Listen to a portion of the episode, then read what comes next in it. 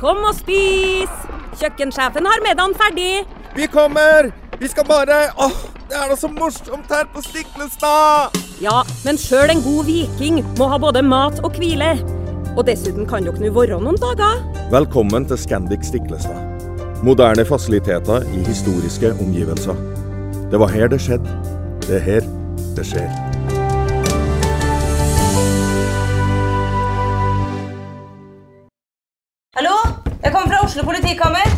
Ine Jansen er purk. Er du purk? The motherfucking bitch. Alt jeg vil, er å finne ut hva som skjedde med mannen min. Jon Carew. Er jeg sikta for noe? Iben Akeli. Det er du. Ole So, Lars Berrum og Big Daddy Karsten. Hvem sin side er du på, egentlig? Anette Hoff, Tone Danielsen, Kommer du fra Afrika? Jørnis Josef, Nesten. Kløfta. Trond Espen Seim, Det er synd å si det, men det var feil mann som døde. Purk. Premiere tirsdag på TV2 Play.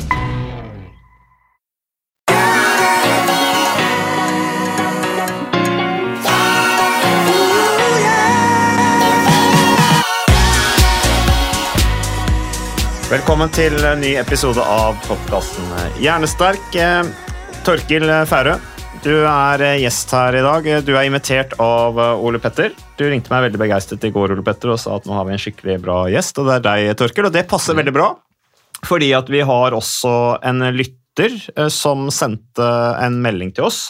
Og anbefalte deg som, eh, som gjest, så det passa jo veldig bra. Um, Torkil, du er eh, først eh, Du er eh, lege, holder til i Oslo, kommer fra Bærum. Eh, Du har skrevet da boka Pulskuren, som da var det denne lytteren vår også var opptatt av, eh, og anbefalte deg som gjest på bakgrunn av det. Har sannsynligvis lest boka di. Og det er det mange som har gjort, for det er nasjonal har bestselger. Vært på lista ja, i Den har vært på lista nå i 35 uker i Ja, strekk og ligger på femteplass.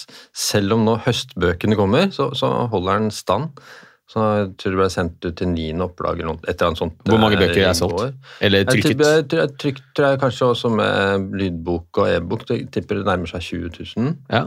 Så, så eh, Det er veldig, bra, bra. det. Fra et Ja, det er bra. Fra, fra både det at det ikke er kjent, og at selve begrepet det å kunne bruke puls på den måten også er helt ukjent. Mm. Var det. Sånn at, sånn at eh, det var nok mange som til å begynne med tenkte at dette var veldig smalt. Eh, For eksempel så kom jeg ikke på God morgen Norge, for at de mente at nei, dette var så smalt at dette her eh, eh, var ikke noe for dem. Nei. Men jeg tenker at det ikke er så smalt, for jeg bare, nå skal vi jo snakke om dette her, men jeg bare ser blant annet dette her at du er veldig opptatt av teknologi, slik jeg oppfatter det. Ja. Jeg har ikke lest boka di, jeg skal gjøre det, Mm. men, men nå i dag så går vi jo alle rundt med den teknologien, så den er jo tilgjengelig. Den, den folkeliggjøres jo kanskje mer enn noen gang, akkurat den teknologien som går på helsedata. Ja. Hva er dine tanker om det da, i forhold til tilsvaret til God morgen Norge? Ja, jeg, jeg tror nok bare at de eh, ikke hadde tenkt at eh, klokkene kan brukes til alt dette her. For at, og det er jo Nå har jo omtrent halvparten av befolkningen faktisk har jo pulsklokker. Eh, tror jeg 2,5 millioner eh, som, som har det. Eh, og de har ikke oppfatta verdien av det, altså hva potensialet er som de kan få ut av dem. Altså hva pulsen klarer å fortelle deg om tilstanden i kroppen din. Hva som påvirker den positivt og negativt. Eh, eh, og det var selvfølgelig ikke jeg heller klar over før på, for en, kanskje fire år siden, så jeg har jo fulgt med på, på pulsen med ulike instrumenter siden høsten 2019. Så nå er det jo snart fire år, da. Som jeg har brukt mye tid på å finne ut av dette her. og i forbindelse med boka så hadde jeg en sånn forsøksgruppe, testgruppe på 200 folk, som også til en stor del har skrevet sine erfaringer i Pulskuren. Eh, Så den er jo pepra med deres personlige, individuelle erfaringer. Eh, Og etter det så har vi jo på pulskuren.no, vårt sosiale nettverk, så er det jo 2500 betalende medlemmer eh, som, som deler kunnskap, deler hva de finner, hva de har funnet ut, de deler kurvene sine over døgnkurver osv. Eh, Så et veldig aktivt eh, sted. da. Så, så det, det begynner å bre om seg, for at folk oppfatter så fort verdien av det. Du skjønner det så raskt det er når du får på, på, på klokka hva som påvirker deg. da. For det, puls har jo alle hørt om, og jeg, vi, du og jeg studerte jo faktisk medisin, nesten, eller faktisk samtidig. Eh, kanskje et lite øyeblikk var til og med på samme kull Mm, ja. i, i Oslo på nitt- begynnelsen av 90-tallet. Eh, puls har vi jo kjent til lenge, og, og hvilepuls, makspuls. Det var på en måte det, det jeg kunne om puls, og vet selvfølgelig godt at eh, hvilepulsen sier noe om eh, din fysiske form, hjertets evne til å kontrahere og slagvolum og alt dette her, og makspuls kanskje primært endrer seg eh, i forhold til alder. Men det du snakker om, det er jo pulsvariasjon, eller heart rate variability, HRV. HRV, ja. Det lærte ikke jeg, og sikkert ikke du heller, noe om Nei, på legestudiet. Om det. Kan ikke du fortelle lytteren én, hva er pulsvariasjon? Og kanskje kort to, så blir det sikkert ikke så kort, men uh, hva er det vi kan bruke det til? Ja, det, vi kan bruke det til alt omtrent. uh, Men det som er heart rate variability, det er variasjonen mellom at når du trekker pusten inn og fyller lungene med oksygen, så vil du i hvilemodus så vil pulsen raske på litt for å utnytte at nå er lungene fulle av oksygen, og så gasser den på litt i saken millisekunder. Og så når du puster ut, og så tømmer du lungene for oksygen, det er mindre å hente der, så dempes pulsen litt. Eh, Det er jo snakk om millisekunder, men over en livstid for eksempel, så snakker de om at det er 350 millioner slag som blir spart på den måten. Eh, Og som, som eh, selvfølgelig betyr mye på, på lang, lang eh, sikt. Da. Når du er stressa, så vil pulsen ikke dempe seg eller senke farta på utpust. Da vil organismen tenke at nå må vi ta alle krefter i bruk for at denne her skal overleve. Eh, Sånn at eh, selv på utpust så trenger vi full, full fart på, på motoren her. Mm. Og her er det selvfølgelig grader fra full sympatisk aktivering, som vi da kaller den, den moduset, stressmoduset, eh, ned til full parasympatisk aktivering, som vi kaller det absolutte hvilemoduset. Og det klokkene og ringer og whoop-bånd og, og forskjellig, det de gjør, eh, det er jo også å trekke dette her gjennom døgnet. Slik at du klarer å se uh, hvor godt sover du, eh, hvordan påvirker maten deg, hvor mye kan du eh, trene, og spesielt på trening. Det er jo idrettsfolka som har pusha dette her i front. Ikke sant? Så at Kasper Ruud eh, bruker dette her systemet for å klare å trene og utnytte treninga maksimalt, og selvfølgelig mange andre også. Ronaldo, ikke sant? Premier League-lagene bruker det. Eh, svenske Hekken, som Høgmo klarte å få til å vinne svenske ligaen, eh, bruker det. Um, sånn at idrettsfolka har gått foran, for de er jo avhengig av på millisekunder og centimeter, ikke sant? Eh, og, og, klare å vinne på det. Men det de har erfart, det kan vi også bruke da, i dagliglivet. For vi ser jo at eh, for mange er jo dagliglivet nærmest en idrettsprestasjon. Eh, med, med stress, med tidsklemmer, med, ja, med dårlig kost og masse av det som påvirker oss. da. Det, du kan si du spurte hva kan vi gjøre med HRV, og det er, det er et slags vidundermål, på en måte. fordi at hjertet står på en måte som en slags sentral og tar imot signaler fra hele kroppen, hele fysiologien vår. Um, og det viser seg at heart rate variability er jo kobla til ni av de ti dødeligste sykdommene. Eh, Og jeg har gjort det nærmest som en sport. Eh, Hver gang jeg kommer på eller får tanke om en sykdom, så googler jeg pluss heart rate variability. Nei, da snakker Og- vi hjerteinfarkt, hjerneslag, disse store Alt, alt. Diabetes type 2. Leddgikt, ja. leddgikt, demens, eh, parkinson, you name it. Altså, det er nesten sånn at eh, hvis noen finner en sykdom som ikke er kobla til HRV, så må de si fra til meg. Eh, og, kan, og, og, kreft, risiko for tilbakefall av kreft, risiko for alvorlighetsgrad av kreft, risiko for om hvis du røyker, eh, vil du dø av røykingen. Eh, ikke sant? Det er kobla til høy puls og, og da lav pulsvariasjon. Um, så det er, men det er også kobla til mye i dagliglivet. Så én ting er at det er kobla til sykdom, men det er også kobla til velvære, viljestyrke, overskudd. Eh, Sånn at hvis du går rundt med en lav pulsvariasjon, så er du sliten.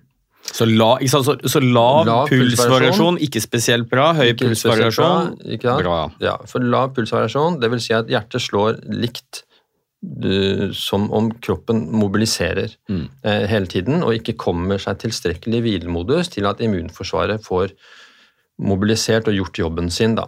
Så i praksis så eh, har man en overbelastet organisme som, som immunforsvaret ikke kommer til. For at det, immunforsvaret sier jo tar 20% av energien. Ja, at hjernen tar 20 den kan du ikke regulere noe særlig opp og ned. ikke sant? Det de tar 20 det er uansett om du tenker mye eller lite. Eh, men det ser ut som, eh, tenker jeg, da, eh, at immunforsvaret er mer variabelt. Altså det kan, kan bruke mye krefter, være veldig aktivt. og vi ser jo at Hvis du f.eks. har sovet dårlig, så vil jo en del av de viktige stoffene ved immunforsvaret være veldig lave. Det er sånn at det kan nok være at uh, immunforsvaret blir holdt nede da, uh, når du har en lav pulsvariasjon. Så, um, og lav pulsvariasjon er også koblet til inflammasjon. Og vi ser jo nå eh, mer og mer at, at inflammasjon, en kronisk lavgradig betennelse i kroppen, er kobla til de livsstilssykdommene som vi nå behandler. Da. Mm. Mm. Men er det sånn å forstå for litt enkelt at det du Denne heart rate variability, eller pulsvariasjon, er et, egentlig et indirekte mål på stress? Grad av stress? Ja. Uh, og da lurer jeg litt på um, Stress er jo, er jo, i utgangspunktet et ord som er veldig negativt ladet mm. uh, i dag. Mm. Men vi kan jo skille mellom akutt stress og kronisk stress. ikke sant? Akutt stress uh, i, i mm. den grad For det vi egentlig snakker om her nå, er jo uh, aktiviteten i dette autonome nervesystemet mm. som jobber ja. i bakgrunnen. Den sympatiske biten som gjør oss i stand til å yte maksimalt fysisk. og det Mm. Parasympatiske som er viktig for hvile og fordøyelse osv. Ja. Um, men er det uh, Det å trene, f.eks., det er jo akutt stress. Det er, akutt stress. Uh, er det Hvordan påvirker det eller, Sagt på en annen måte, kan, kan, du si noe om hva, hva er det vi kan gjøre for å for å få mest mulig eh, pulsvariasjon? Altså, Hva ja, er det trening, i hverdagen vår? Jeg ser jo at no, For en person som har en dårlig pulsvariasjon, når jeg går inn og ser VO2 max, så ser jeg ofte at den er veldig dårlig. Så hvis du har dårlig kondisjon, eh, så vil på en måte enhver anstrengelse, selv dag, helt dagligliv, vil være en overbelastning. Mm.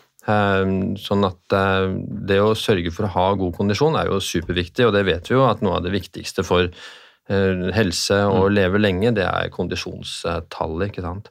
Men det som er viktig, er jo at eh, den investeringen det er da, eh, å trene, må du passe på at du har penger til, på en måte. Altså Du må passe på at du har overskudd nok til at du klarer å restituere etterpå.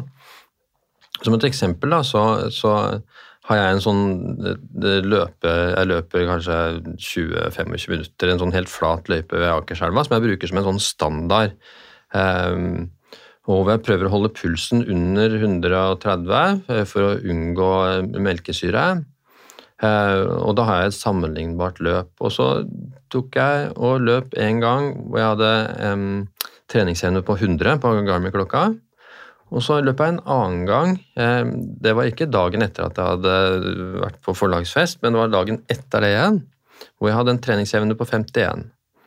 Og den samme økta, da, Eh, som da gikk rett tilbake i hvilemodus, den første tilfellet, så fortsatte stressmoduset utover hele dagen på, på, det andre. Sånn at du, du må på en måte tilpasse treninga etter totalbildet. Og, og, vi ser jo at, at, idrettsutøvere de hviler jo så mye de kan. De prøver å sove så lenge de kan, og legger inn til og med en sånn powernaps i løpet av dagen. Mm. Um, sånn at og der ser vi jo på f.eks. på Haaland. Jeg tror han er utrolig god på å hvile. For at nå har idrettsutøverne henta ut maks på det som skjer på treningsfeltet. Nå ser de at det er mye å hente på det som skjer utafor treningsfeltet. På restitusjon, ja, ja. på å få penger tilbake for investeringen sin. I, og ikke kaste den bort på, på dårlig mat, på unødvendige aktiviteter. ikke sant? For at vi ser at det som vi er vant til å kalle stress, det er bare en del av bildet. Når du bruker klokkene, så ser du at eh, mye av stresset er under radaren. For du hadde ikke trodd at det var stress. Du hadde ikke trodd at varme var stress, du hadde ikke trodd at pizza var stress, du hadde ikke trodd at uh, chili var stress, og graden av alkohol, f.eks., er jo helt, helt mm. syk. ikke sant? Snus også. kjempestress, ikke sant. Som, som da bestemmer deg for. Skal jeg, skal jeg bruke krefter på å håndtere snus? Eller skal jeg bruke de på å bli sterkere? Ja. Sant? Men hvis vi ser bort fra toppidrettsutøvere, men um, kall det vanlige folk, så er tanken her da at uh, hvis du har en pulsklokke, det har 2,5 million nordmenn, så måler den eh, pulsvariasjonen. Uh, og ved å se på pulsvariasjonen din, uh, så kan du si noe om egentlig hva er det som er bra for meg, hva er det som ikke er bra for meg. Og du kan gjøre tiltak i ditt eget liv Ja. for å Ja, ikke sant? Fordi du ønsker den høye pulsvariasjonen, og ikke den lave. Ja. Kan man se for seg at uh, man kan bli mer stressa av å følge veldig med på disse klokkene også? At, uh, Det, det kan nok noen bli, men, men min erfaring da fra alle som jeg har hatt eh, kontakt med, det er motsatt, egentlig. At de blir ganske fort uh, klar over hva som stresser, og føler en større grad av kontroll. Og er kanskje ikke så stressa som de hadde fryktet å, å, å være da. Men så er det jo selvfølgelig helt sikkert noen som også syns at dette bare blir stress, og så får de jo sl- Ja, ja. slutte med det. Ja, men da bør man jo? Ja, eller de klarer bare ikke å leve det livet som kreves for å få den optimale pulsvariasjonen, så da bare dropper de det for det er ubehagelig. Mm. Ja, det og tenke være, at de skal det- klare å få det til. Ja, det kan Livet er ikke rigga for det, på en måte.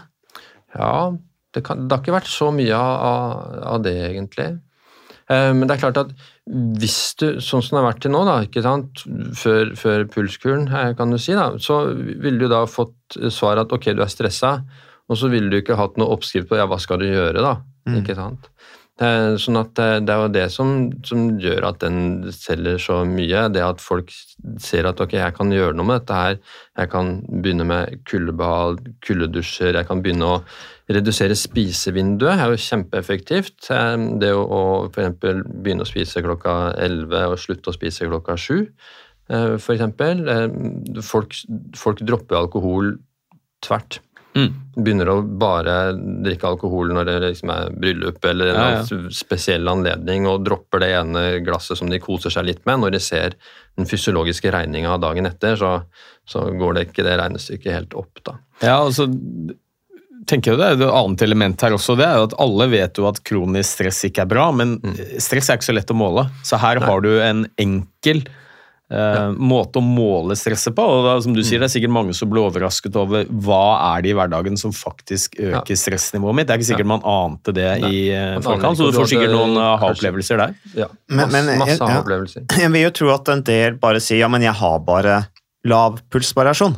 Mm. Jeg, jeg, men, men, og det sånn er jeg. Men s- det du sier, og som jo er helt riktig, og, og som Mm. er litt sånn tankegangen man kjenner fra toppidretten, er liksom hva kan jeg gjøre for å få den mer optimale pulsvariasjonen, da, som Mm. hjelper meg å yte bedre og ha det bedre i, i hverdagen. Ja. Uh, og der er det jo kanskje mindre grad av bevissthet, uh, enten fordi at folk uh, kanskje ikke har den kunnskapen om hva som skaper, skaper reaksjoner, og en annen ting er jo det der at de kanskje mangler vilje til å ta tak i det, Mm, fordi at det er ubehagelig å skulle gjøre.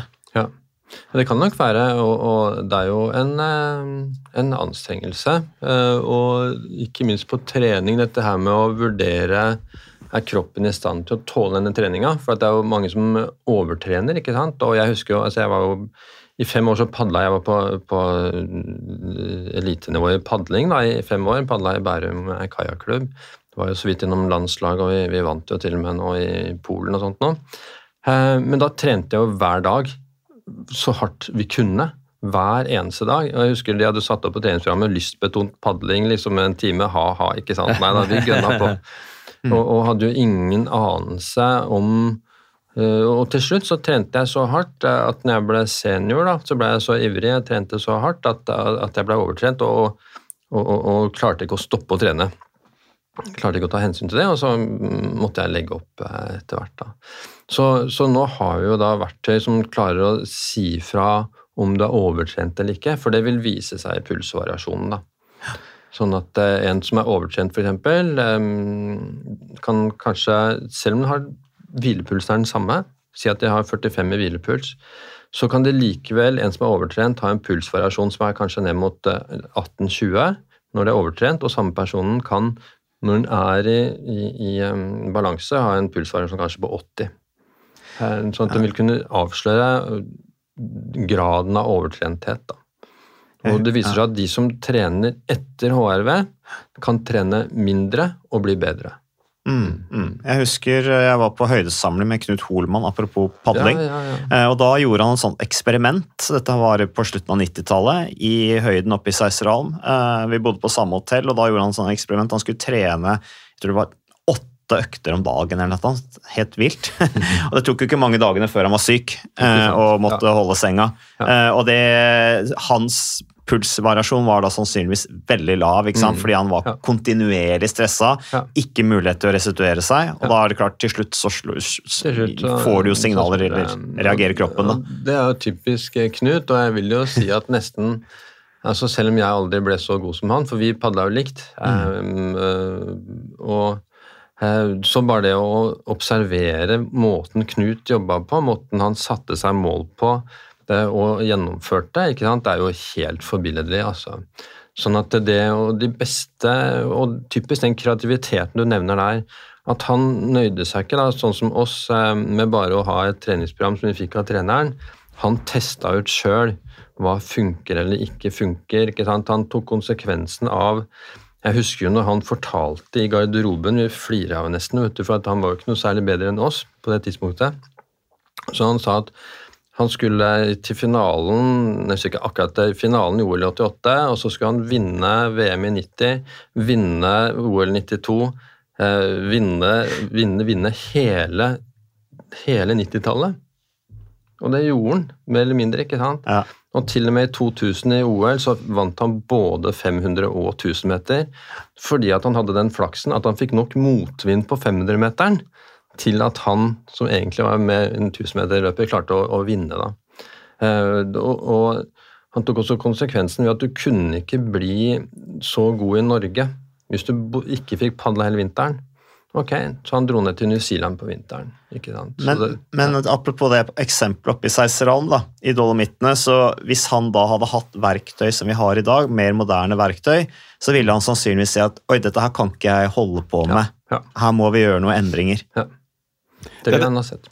Jeg synes jo det Dette er veldig fascinerende, at du har et så enkelt verktøy. 2,5 millioner nordmenn har det, mm. som gir deg et mål som er et så godt mål på helse. Eh, jeg tenker Både på individnivå og folkehelsenivå så er det jo ubegrenset med potensialet der, nesten. Ja. Um, jeg har to, to spørsmål, og det ene um, kan ta det først. Uh, Det går på er disse klokkene gode nok? Altså, kan man stole på de eh, resultatene man får, hvis du sammenligner med mer avanserte målinger på pulsvariasjon? Eh, kan vi stole på det klokkene viser? Ja, eh, det har vært et par eh, artikler eh, nylig, både i Legetidsskriftet og var det forskning.no, som viser at det, det kan man ikke. Og nå måler de EKG, ikke sant? de har den nøyaktigheten til et EKG på hjerterytme osv. Sånn at, eh, men det er klart at hvis du trener veldig hardt, og det er mye bevegelse på klokka og sånt nå, så er det noen situasjoner som du helst bør ha pulsbelte. da.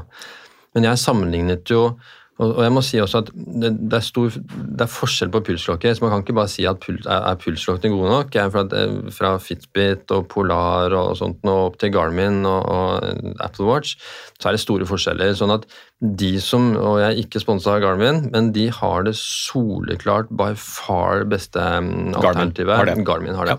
Med det body battery-systemet gjennom døgnet, eh, som gjør at du klarer å identifisere hvor er det det ligger. Hva er det som gjør at det går opp og ned. Og Det som Garmin har gjort, eh, det er at de har kjøpt det finske firmaet Firstbeat, som i 20 år har brukt sånne brystfestede EKG-målere.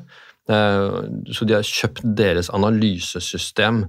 Så det er det som på en måte er, er gullstandarden. da. Så med mange av disse andre pulsklokkene så vil du på en måte bare se selve tallet pulsvariasjonen gjennom natta. Men du vil ikke nødvendigvis klare å se var var det, var det pizzaen i går som eh, gjorde utslaget, eller var det treningsøkta der, eller var det de to glass med vin kvelden før det igjen. Sånn at sånn Garmin gjør at du, du klarer å identifisere da, gjennom døgnet, da, gjennom de kurvene de viser. da. Ja, så klokkene er stort sett å stole på. Garmin er best, uten at du er sponsa av dem. Ja. Spørsmål nummer to det går litt på, på dokumentasjon, og det sa du, og det, det vet jo jeg også. Jeg har sett litt på det. Det, det er veldig god dokumentasjon som viser en sammenheng mellom eh, pulsvariasjon eh, og sykelighet og dødelighet av Mm. alle disse sykdommene som rammer oss nordmenn, og som koster mest. Eh, Hvordan er det med kausalitet, altså årsakssammenheng? For én ting er jo at det er et samsvar. Ja, hvis du har høy pulsvariasjon, så lever du lenge, men det er jo ikke dermed sagt at det er pulsvariasjonen som gjør at du lever lenger. Nei, og der er den på begge sider av den ligninga. Eh, Sånn at der hvor du kan si Sammenlignet med mål som feber, da, så er jo feberen et resultat av en, en infeksjon. Eh, Mens der ligger HRV på en måte på begge sider. så at en lav HRV disponerer for en sykdom, fordi at den lave HRV-en er et tegn, et signal på en overbelastet organisme, eh, som så har lettere for å få en sykdom. Og når en får den sykdommen, så blir HRV enda dårligere igjen. Og så øker sjansen igjen Ja. for å få en Ja. annen sykdom. Ja. Ikke sant? Så den, den ligger i en eller annen grad, da, ikke sant? På, på begge sider av den Det er litt som eh, fysisk aktivitet. da, Hvis du, eh, altså hvis du eh, ikke, ikke beveger deg noe særlig, så blir du, får du dårlig helse. Men den dårlige helsen gjør også at du beveger deg litt mindre. Ikke sant? Så du blir bare en selvforsterkende negativ. Ja. Mm. Så det er litt på, på den måten. Og, og, og en HRV er også individuell, da. Sånn at det er ikke gitt at en som f.eks. har 30 i HRV, har mye dårligere helse enn en som har 50, f.eks. Så det er ikke noe særlig å sammenligne fra. Nei, så det er en populasjonstendens, kan man si, men, men, ehm, men du kan ikke si at jeg som har 30, har dårligere helse enn deg som har 50. Så den, en tredjedel av den HRV-verdien er eh, arvet. Ja. Ehm, det er det. Så, men eh, du, du bruker jo dette sjøl, selv, selvfølgelig. Mhm. Eh, Kan du gi noen eksempler på ting i ditt liv som har vært litt sånn overraskende, kanskje? Ting som gjør at du får eh, høyt stressnivå, lav pulsvariasjon, og, og ting som eh, gjør det motsatte? Ja, det har spesielt vært eh, mat. Det har vært veldig overraskende hvor mye en del mat kan eh, stresse. Og, og når jeg så hvor mye det stressa meg i forhold til en del andre som jeg så, da, så tok jeg sånne labprøver og, og så at jeg har en eller annen grad av lekktarm og glutenintoleranse og melkeproteinintoleranse i en ganske liten grad. Men tydelig nok, og uten at jeg har noen symptomer, men jeg ser at klokka reagerer, og jeg kjenner meg dårligere også etter, etter måltider som da har inneholdt mye av det. Som da har tappet meg for, eh, for krefter unødig. Så, så der er jeg blitt flink til å regulere. Og nå med alt dette her stresset rundt eh, pulskuren, ikke sant? det er ikke noe eh, skrive bestselger, det er ikke noe Jeg får jo henvendelser hele tiden. Det, å, det er bare å glemme å ha kontroll over en dag. Måte, det, det, det vil skje. Jeg må, jeg må få mengder av henvendelser, telefoner, mailer som jeg må ta tak i og Så har gjøre har pulskuren din altså har pulskuren gjort at du har fått eh, redusert pulsvariasjon? Ja, nei, nei, den, den ligger nok ganske jevnt, tenker jeg. For det ville Men vært litt hadde- ironisk. Ja, men hadde jeg ikke hatt eh, klokka til å følge med på, det, da hadde jeg slitt, altså. Ja. Og du har jo sikkert vært borti dette med å plutselig bli populær, og alle skal ha tak i deg og få deg med hit og dit, eh, ikke sant? Det, det, det kan være ganske stressende når du ikke er, eh, har vært i den posisjonen før, da. Ja, og så er det stressende fordi man har gjerne et fullt liv fra før, og så hagler det inn med meldinger alle typer altså SMS og Messenger og folk som skal ha en bit av deg og Ja. spørre om ting. Og så har du jo gjerne lyst til å bidra og være på tilbudssiden, og så skjønner du bare at det er faktisk ikke mulig. Ja, du, kan Men- ikke, du kan ikke svare på alt, du kan ikke si alt ikke. alt. Eh, Men- Men, men- det, men det jeg gjorde, da, som dere har snakka med Marit Kolby her, ikke sant, det eh, er jo at eh, jeg bare rydda hele timeplanen. Sånn at, det, sånn at det, i det boka ble gitt ut, så så, så eh, Jeg har kanskje bare jobba i distrikt nå sånn som jeg pleier, kanskje fire uker i løpet av tiden fram til nå. eh, Hvor jeg kanskje hadde jobbet dobbelt så mye Ja. ellers, da. Men mat, altså, så mat var overraskende at det kunne gi lavere pulsvariasjon. Hva er det som eh, topper listen over ting du kan gjøre for å gi deg minst mulig stress og høyest mulig pulsvariasjon? Det er særlig det å begrense spisevinduet, og særlig det å ikke spise på kvelden. Det å slutte å spise eh, noe som helst, da, altså ikke toppet et eple eller altså, ingenting eh, etter klokka sju, eh, gjør at eh, kroppen blir rolig nok til å sove godt på, på, på kvelden.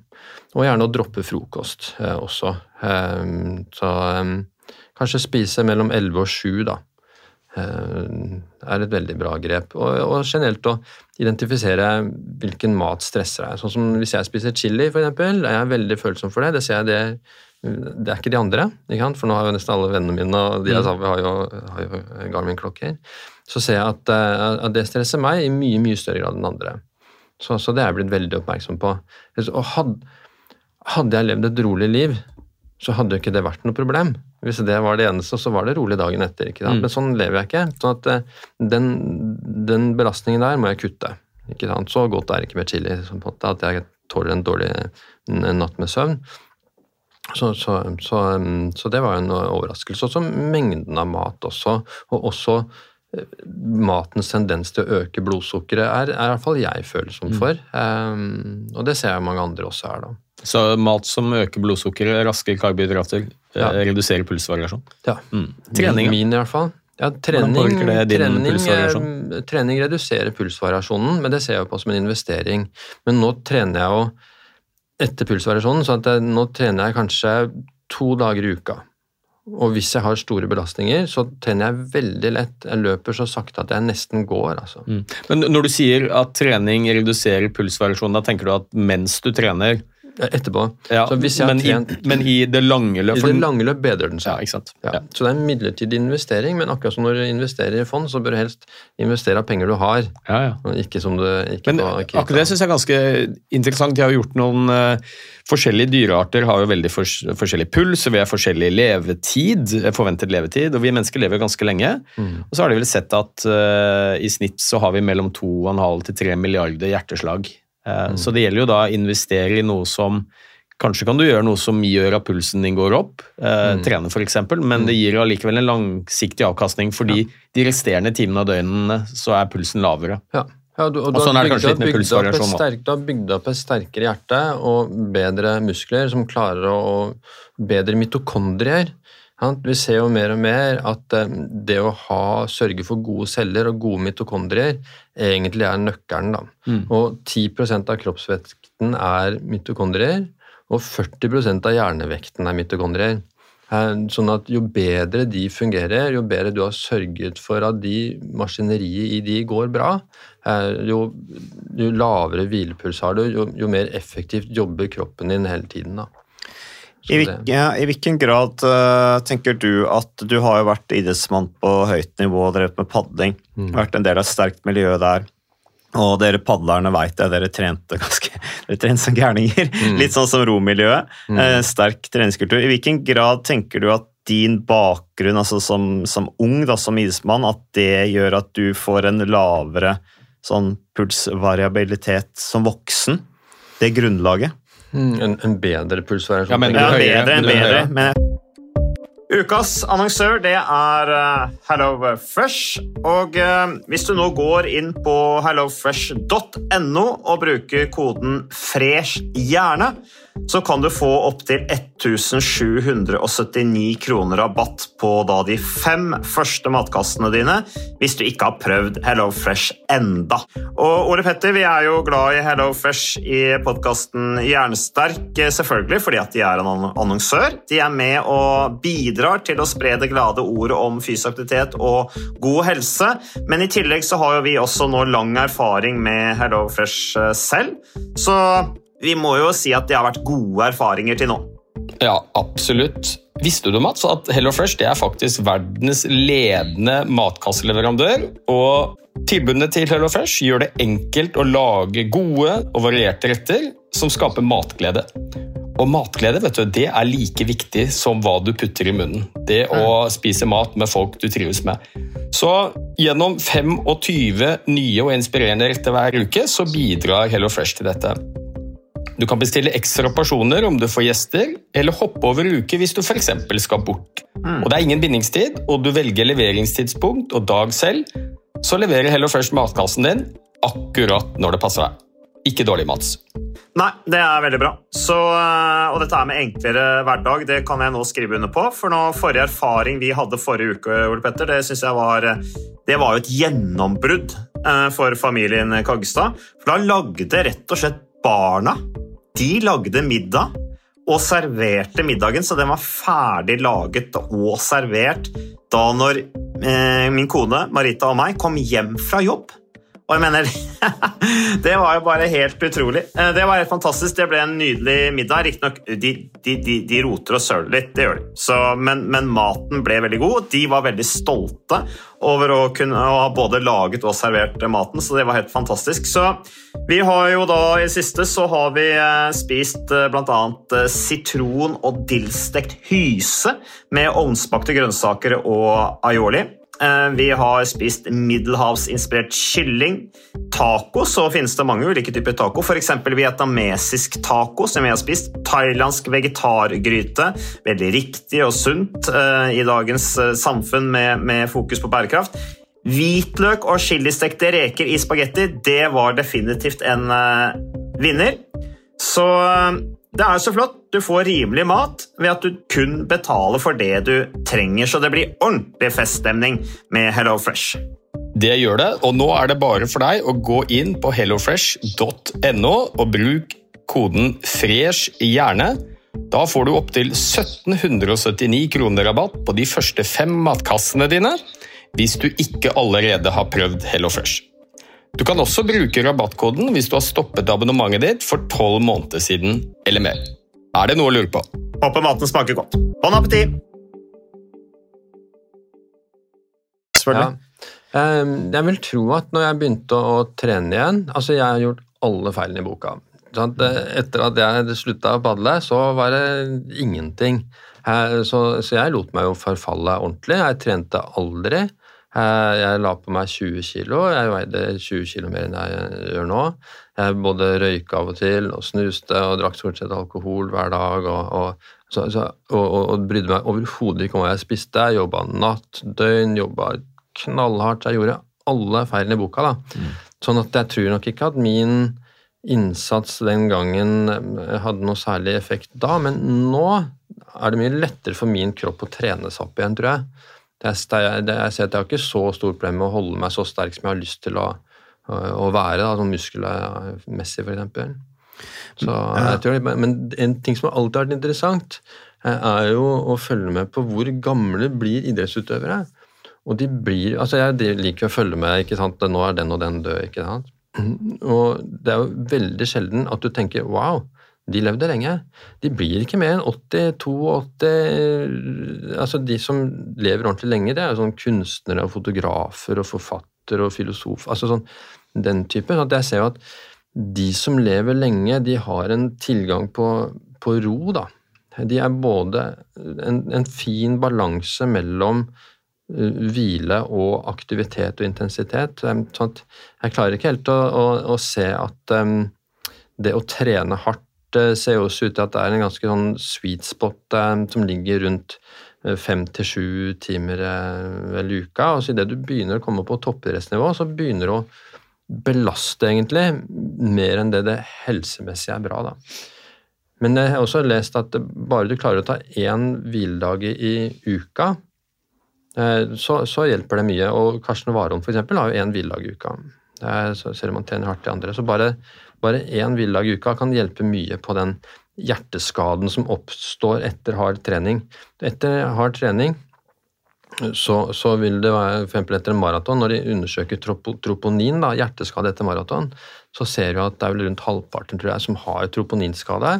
Små sånne microtears i, i musklene. Og hvis ikke du lar den tilhelles, og så trener igjen, så vil du få hjerteskade. Du vil få den der birkebeiner-atrieflimmeren, ikke Mm. sant? Um, Sånn at um, det er en dose på trening også, uh, som sannsynligvis vil um, ha en del å si med, med hvile og med dette totalbildet, da.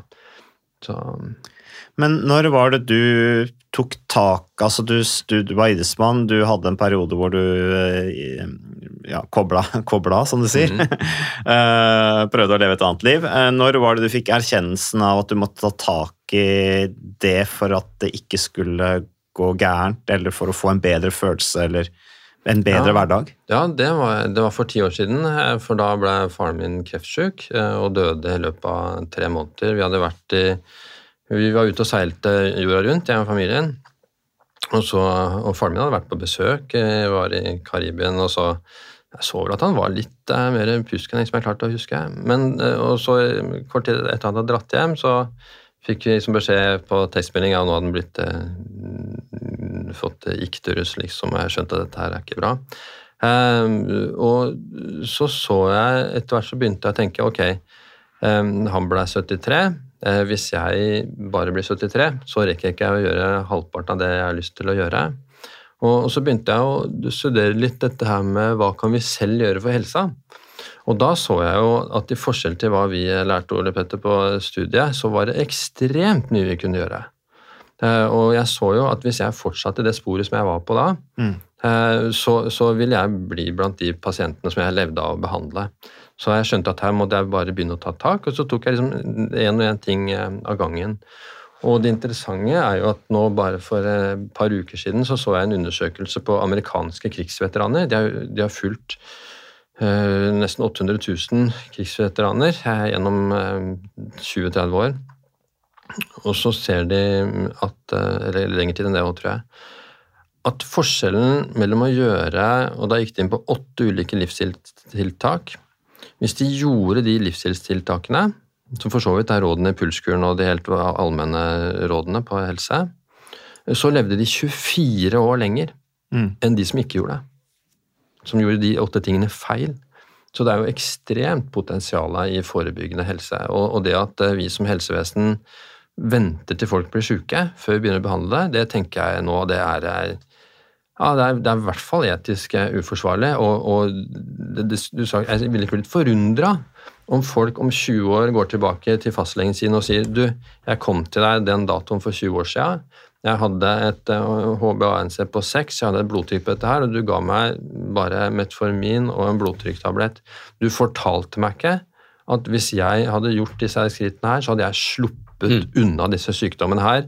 Jeg tar deg til retten, for dette burde du visst i 2023. Ja, og, og Dette er jo det store paradokset. Jeg liker veldig godt det du sier. og Jeg eh, sier jo mye av det samme selv også. Jeg har hørt deg si at sant? Problemet i helsevesenet i dag eller sykevesenet, er at vi venter til folk blir syke, og så begynner vi å gjøre noe. Eh, Og de tingene vi gjør, det er plaster på såret. Plaster på Vi gjør egentlig ikke noe for å, til kjernen av hvorfor det er blitt sånn. Ja, det har gjerne gått så gærent og at det er ikke så veldig mye å gjøre, for Nei, men, livet er satt så tilbake. Og, og det gjennomsyrer alt fra høyeste nivå av eh, penger vi bruker på dette. ikke sant? 97% av helsekronene til reparasjon, 3 til forebygging. Og i dag så er det jo sånn at de aller fleste sykdommene som gir oss individuell lidelse og er dyre, eh, de kan vi forebygge. Kan Og så gjør vi det nesten ikke. Og da lurer jeg litt på, for nå har vi jo en teknologi. og En ting er jo pulsvariasjon, men disse klokkene måler mye annet òg. De måler hvor mye du beveger deg, de måler søvnen din. Ja. Eh, ting som er utrolig viktig. altså. Bærebjelkene i helsa vår. Ja. Så jeg ser for meg en situasjon hvor eh, om noen år eh, så sitter du og jeg og jobber som allmennleger, og så kommer det inn en ny pasient. Vi har aldri møtt vedkommende før. Mm. Hvis vi hadde fått tilgang til dataene på pulsklokka deres for de siste tre-fire månedene, kanskje et halvt år, Mm. så kunne jo vi i mye større grad skreddersydd oppfølging, behandling, Ja, ja. forebygging. Vi vet hvor mye har du sovet, hvor mye, eh, Mm. mye beveger du deg. Eh? Hva er pulsvariasjonen din? Ja. Ser du for deg at det er noe vi kan bruke disse klokkene til? Absolutt, ja, ja. ja. Og, og, og jeg tror at, at um, folk allerede nå gjør det selv. De venter ikke på at helsevesenet skal snu seg. Nei, nei. Men at vi kan bruke det som verktøy i helsevesenet også. Ja, ja, masse. Og vi kan ikke minst bruke det på det som vi sliter mest med, og det er diffusitas. Mm. Ja, det, altså Diffusitas er da diffuse symptomer. ikke sant? Kroppslig ubehag, hjernetåke, fordøyelsesplager, Sliten. migrene, hodepine, sliten, Dårlig eh, søvn. som dårlig søvn, deprimert, eh, føler seg dårlig, engstelig. Masse av dette her ser vi, og ser jeg, at der, når de får resultatene på klokka, så er det stress. Mm. Sånn at eh, stress over lang tid gir de symptomene der. Sånn at, eh, og det er jo de som er mest glad i dette her, i, pulskurene pulskuren og klokkene, som klarer endelig finne et verktøy til å klare å regulere seg. For det er jo ofte de som er dårligst på å regulere seg, som havner der. Mm. Men opp, opplever du eh, Vi jobber jo mye, mye med det samme, vi, med, med, med forebygging og livsstil. Og, og en av de tingene som slår meg, er jo, som jeg har sagt mange ganger, er jo at man har en tendens til å nå de som trenger det minst. Mm. Sånn, man skriver bøker, man holder foredrag, eh, og hvem er det som kommer på mine foredrag? Det er de som allerede er ganske gode til å trene, og det er de som kjøper boka mi òg. Ja. Opplever du at du har truffet eh, med pulskuren? eh, Kanskje Er det en sånn lavthengende frukt som gjør det litt Ja. enklere for de som trenger det mest, kanskje? Eller, Det- det eller er dette for de som allerede er Den- ganske gode på det? eh, Den er mest for den, den gjengen som overbelaster seg. Mm. Så de som ser at de vil veldig gjerne være friskest mulig og ha det best, og de gjør det som trengs for å få det til. Og fram til nå så har de tenkt at mer av alt er bra, og så ser de at ok, her skal jeg regulere meg litt eh, bedre. Eh, Så det er de som i utgangspunktet er toppmotiverte, da.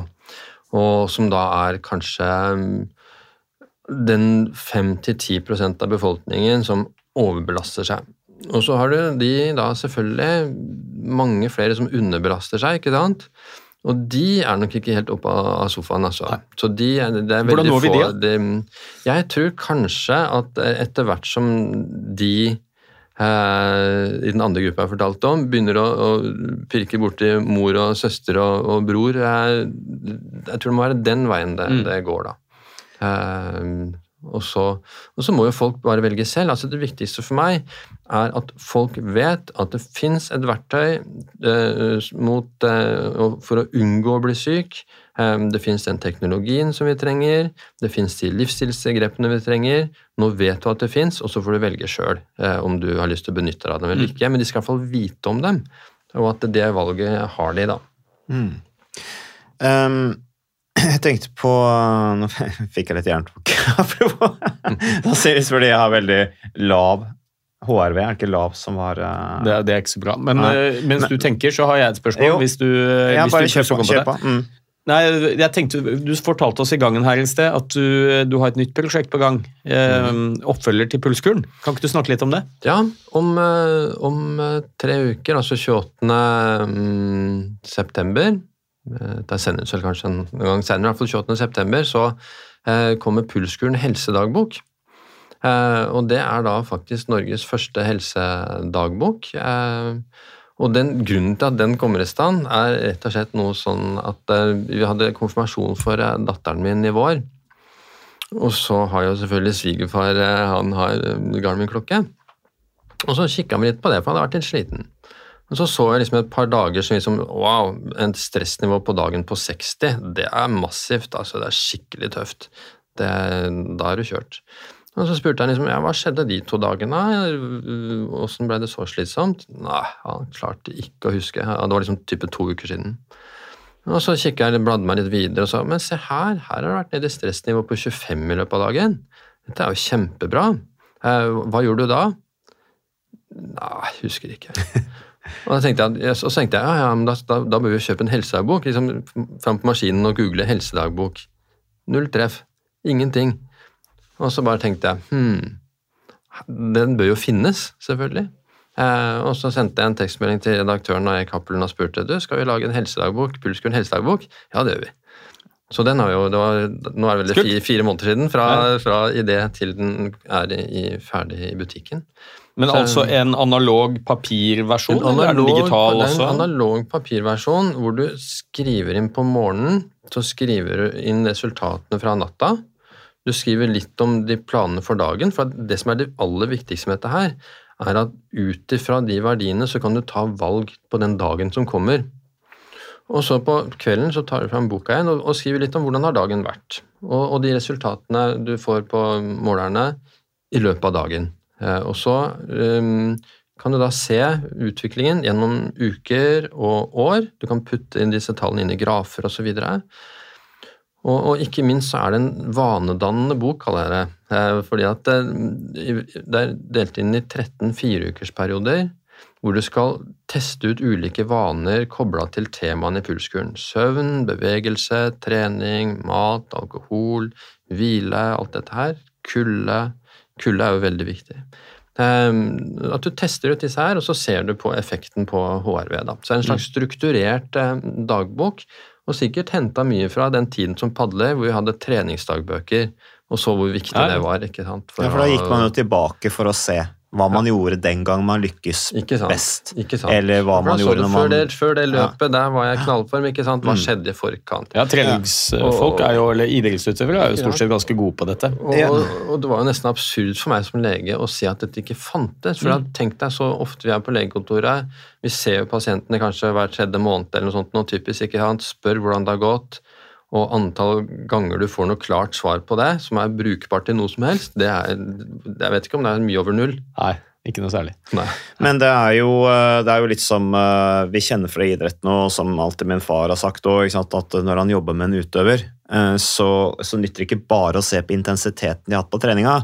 Hvis utøveren også har kjærlighetssorg, så Mm. må du legge opp treninga etter det. Ja. Eh, og hvis, i- hvis utøveren også har en jobb ved siden Mm. av, Ja. så må man balansere alt det her. ja. Og det er jo den helhetstankegangen du her fremmer, eh, Torkel. Mm, ja. ja, og faren din har vel gjort mer enn eh, 1000 leger han for eh, helsa i, i, Norge, vil jeg tro. Ja, og på Modum Bad, ikke Ja, ja, sant? hvor de også førte treningsdagbok. Mm. Pasientene for å nettopp bevisstgjøre de, Ja. skape vaner. Mm. Det er jo vaner som, som, som Ja. skaper livskvalitet. da. Ja. Du, må, du, må, du må finne gode vaner, og det som skjer når du Hvis ikke du har vaner, så må du bruke viljestyrke på hvert valg. Mm. Og du har på en måte, du starter dagen med en viss eh, mengde viljestyrke, som for øvrig er kobla til HRV. En liten digresjon der at, f.eks. kan du si hvem av alkoholikerne sprekker, avhengig av hvilket HRV-tall de har. Så din HRV på morgenen, den påvirker den, eh, den eh, viljestyrken. da. Ja, for du får dårligere HRV hvis du har Nei, hvis du, du, hvis du har høy HRV, så er det større sjanse for at du gjør dårlige valg. Motsatt. Ja, motsatt, men jeg blander det helt. Ja. Sånn en, en, en lav HRV, et belastet system, Ja. dårlig viljestyrke til å få gjennomført valgene. Og derfor trenger du vaner, ikke sant? sånn at du slipper å bruke viljestyrke på det valget. Mm. Du skal ut og trene, du slipper ikke å bruke viljestyrke på skal jeg ta på meg lø- sko Nei, eller ikke. det er det er, det klokka er blitt det. Mm. For eksempel, noen av mine vaner da, som er Jeg, tar um, eh, alltid 30 situps om eh, morgenen. Um, og så tar jeg uh, 50 knebøy og 50 pushups sånn i 50. Ja.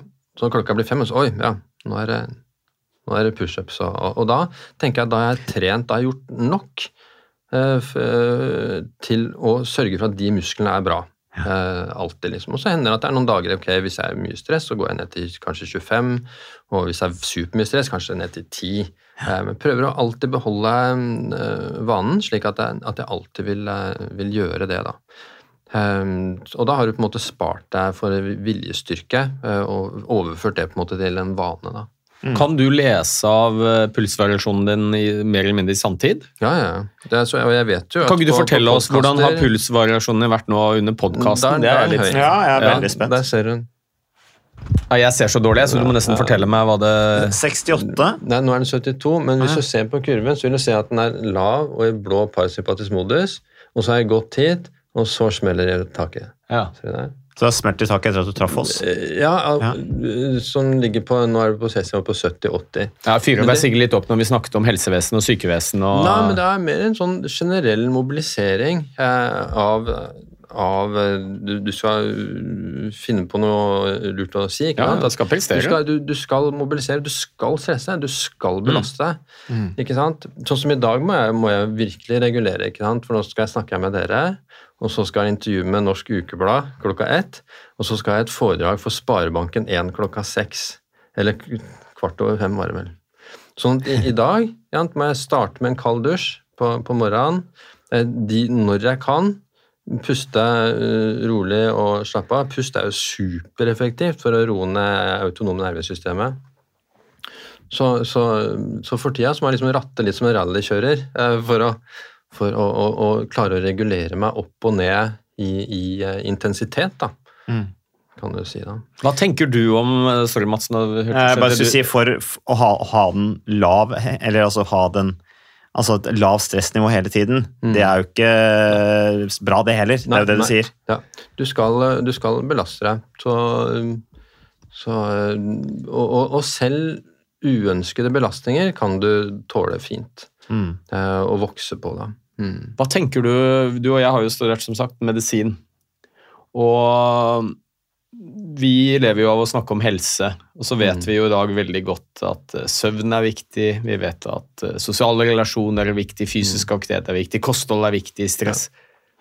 Det er jo ikke det vi lærer om på legestudiet. Nei, vi lærte ingenting. Er ikke det helt Vi- utrolig? ja, vi Alle de tingene som er helt nødvendige Mm. for å ivareta god helse gjennom et livsløp, altså Ja. det lærer vi nesten ingenting om. Ja. Hva, hva skal vi gjøre med Nei, det? vi lærte, altså, men- men vi, vi, vi studerte jo medisin.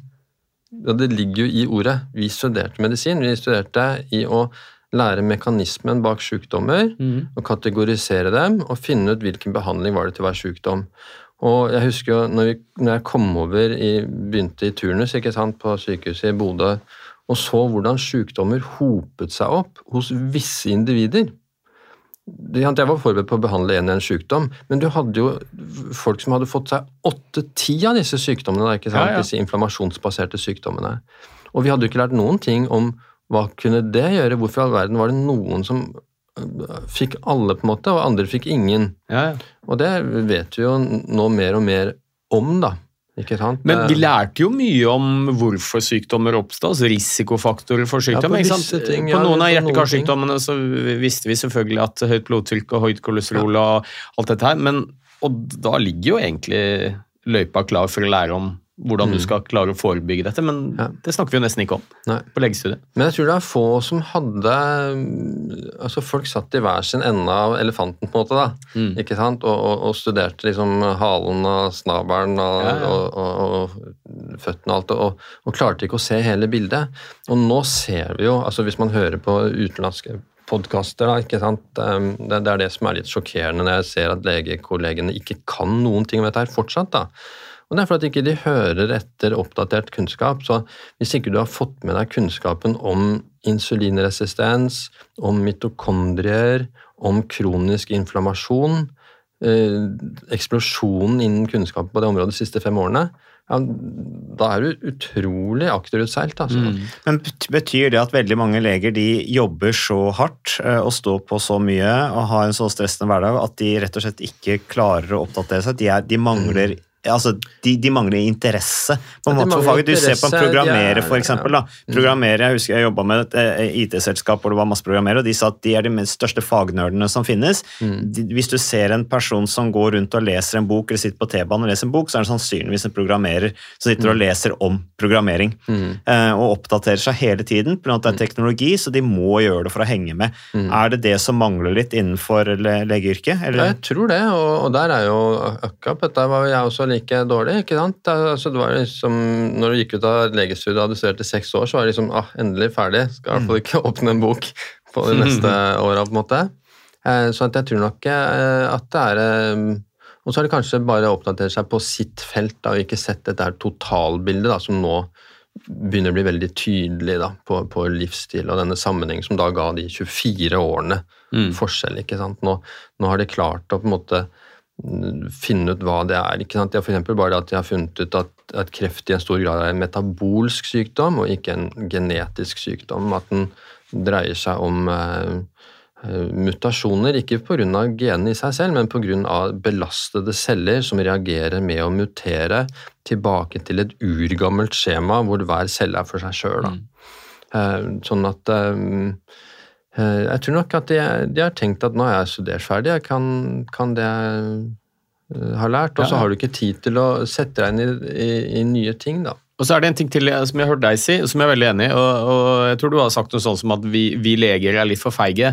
Mm. Vi tør ikke å ansvarliggjøre pasientene. F.eks. eksempel hvis du har en pasient som kommer inn og har eh, sykelig overvekt, fedme. eh, Så tør vi ikke å, å kalle en spade en spade. Vi, vi unngår heller å snakke om vekt, for det er så stigmatiserende. Og vi lever i et samfunn hvor vi lettere enn noensinne blir krenket.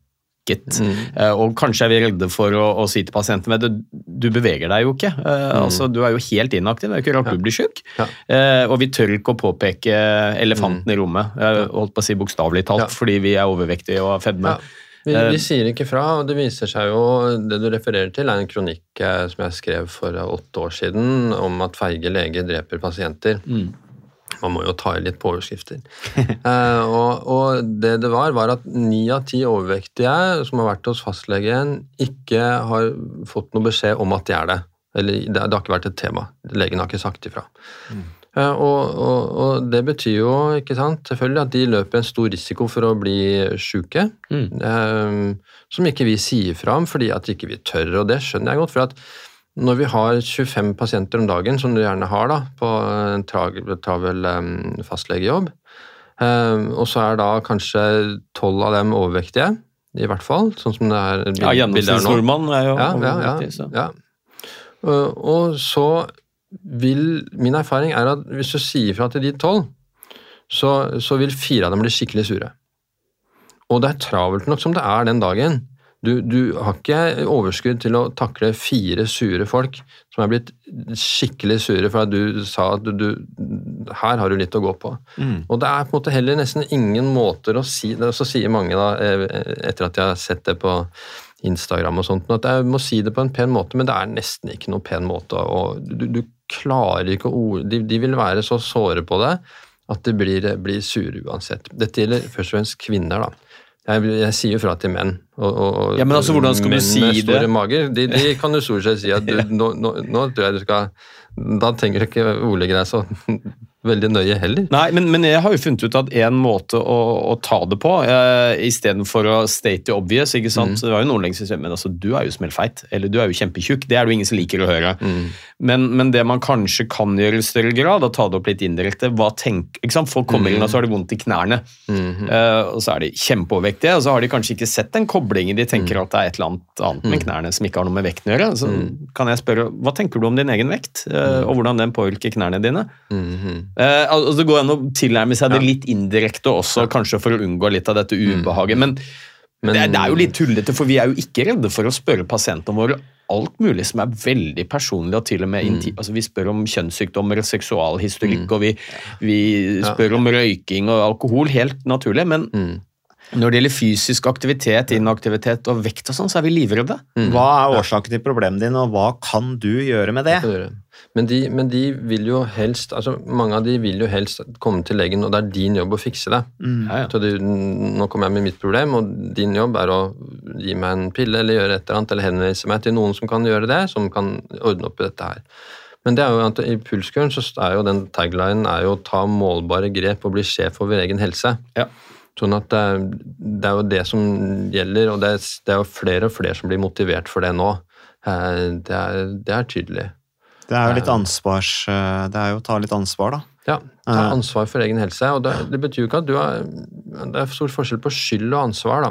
Ikke, det er ikke sikkert du har skylda på en måte for at du har havna på dette, her, men det er du som har ansvaret for å ta deg ut av det og håndtere det og, og gjøre noe med det. Ja, for folk blir jo krenket av det også. Hvis man Mm. sier at du har ansvar for egen helse, så vil jo mange oppføre, opp, Ja, ja, oppfatte de oppfatte det som krenkende ja, De sier jo sånn som at jeg følte meg dårlig før jeg kom, men nå som du sier det, nå føler jeg meg skikkelig dårlig når du sier at jeg faktisk kunne gjort noe med dette for å unngå det. Så nå går jeg hjem og tar meg en iskrem til, liksom. Ja, ja. Så, Men eh, bare for å konkludere, Torkel, du skal jo videre, og, og det er utrolig spennende å snakke om dette her, men, eh, men eh, Bruk eh, teknologien. Eh, veldig mange har den HRV-en på klokka si. Eh, eller hvis de tenker at det er et eller annet jeg burde ta tak i, bruk det som et utgangspunkt. Og så, eh, sette opp en liste over hva du kan gjøre for å påvirke den til å bli bedre. Mm. Og trenger man råd, så kan man jo f.eks. kjøpe boka di Pulskul. Mm. Men her er det en helhet som spiller inn, da. Og så kan man jo ta litt steg for steg. Jeg husker min far lagde noe som het faktoreringsmodellen. Jeg husker ikke hvorfor han... Det var fordi det var ulike faktorer da, som førte til resultat. Ja. Uh, og, å sette opp dette her sånn skjematisk nedover. Men han mente at det var kanskje ikke, du kunne ikke gjøre noe med alle ti faktorene, men kanskje ta tak i to av de av gangen. da. Ja. Og justere de til det blir en vane som da fører til et bedre resultat. Ja, skritt for skritt. Være tålmodig. Det er den du er om kanskje ett år, eller to eller fem år, som er det aller viktigste. Da. Folk er ofte for utålmodige. Jeg tenker at skal, resultatene skal vise seg for fort, da, men mange av dem vil vise seg over, over eh, lang, lang eh, tid. Da. Så, og så kan man jo det er masse gode podkaster, ikke sant. Den Whoop eh, Har ikke jeg det båndet på meg akkurat i dag, men eh, Whoop eh, er jo en veldig god podkast eh, og kilde til informasjon, da. Det er et sånt aktivitetsbånd som er blant de som er lengst framme på, på dette her. Da. Mm, mm. Ja, det er, eh, jeg ser jo i min hverdag som sykkelkommentator, så ser jeg hvordan teknologien brukes, og den er jo nå blitt forbudt å bruke i ritt. For at de er redd for at rytteren skal bli for kontrollert da, av omgivelser utenfor dem selv.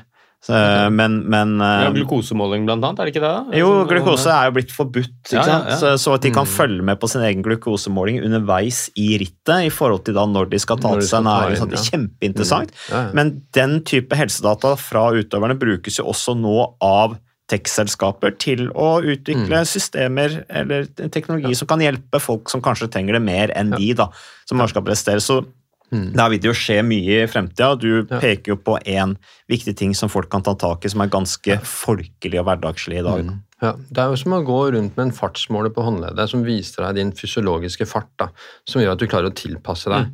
Eh, og jeg vil også si at uh, å, å spandere på seg en blodsukkermåler en måneds tid koster ca. 1400 kroner. Den er også en veldig god investering. Eh, sånn at eh, Jeg har jo på meg eh, her nå. Mm.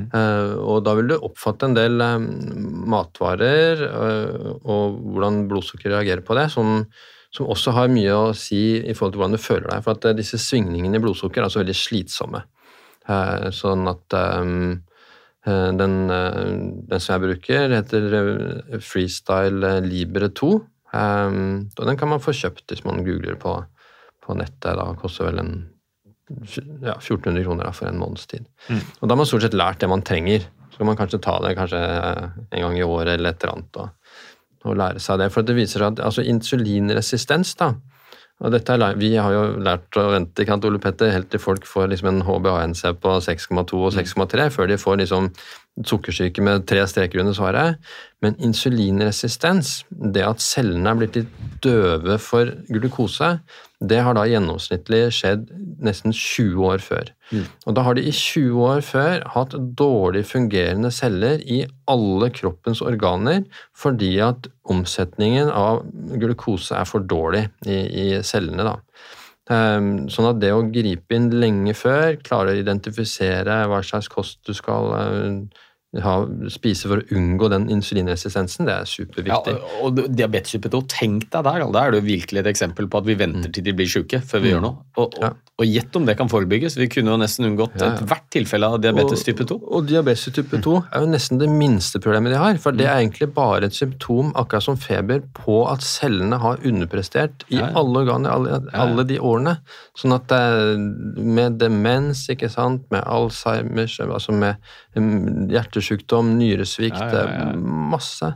Um, insulinresistens, og lærte du om insulinresistens på studiet? Nei. Nei. Jeg skal ha litt dårlig HRV om dagen sjøl, så jeg har en del av ting å ta tak i. Så, men tusen takk for at du kom, Torkil. Mm, ja. eh, masse lykke til med nye prosjekter. Veldig bra. Takk til deg, Ole Petter. Takk til Moderne Media. Og vi er tilbake med mer podkasten Jernsterk neste uke.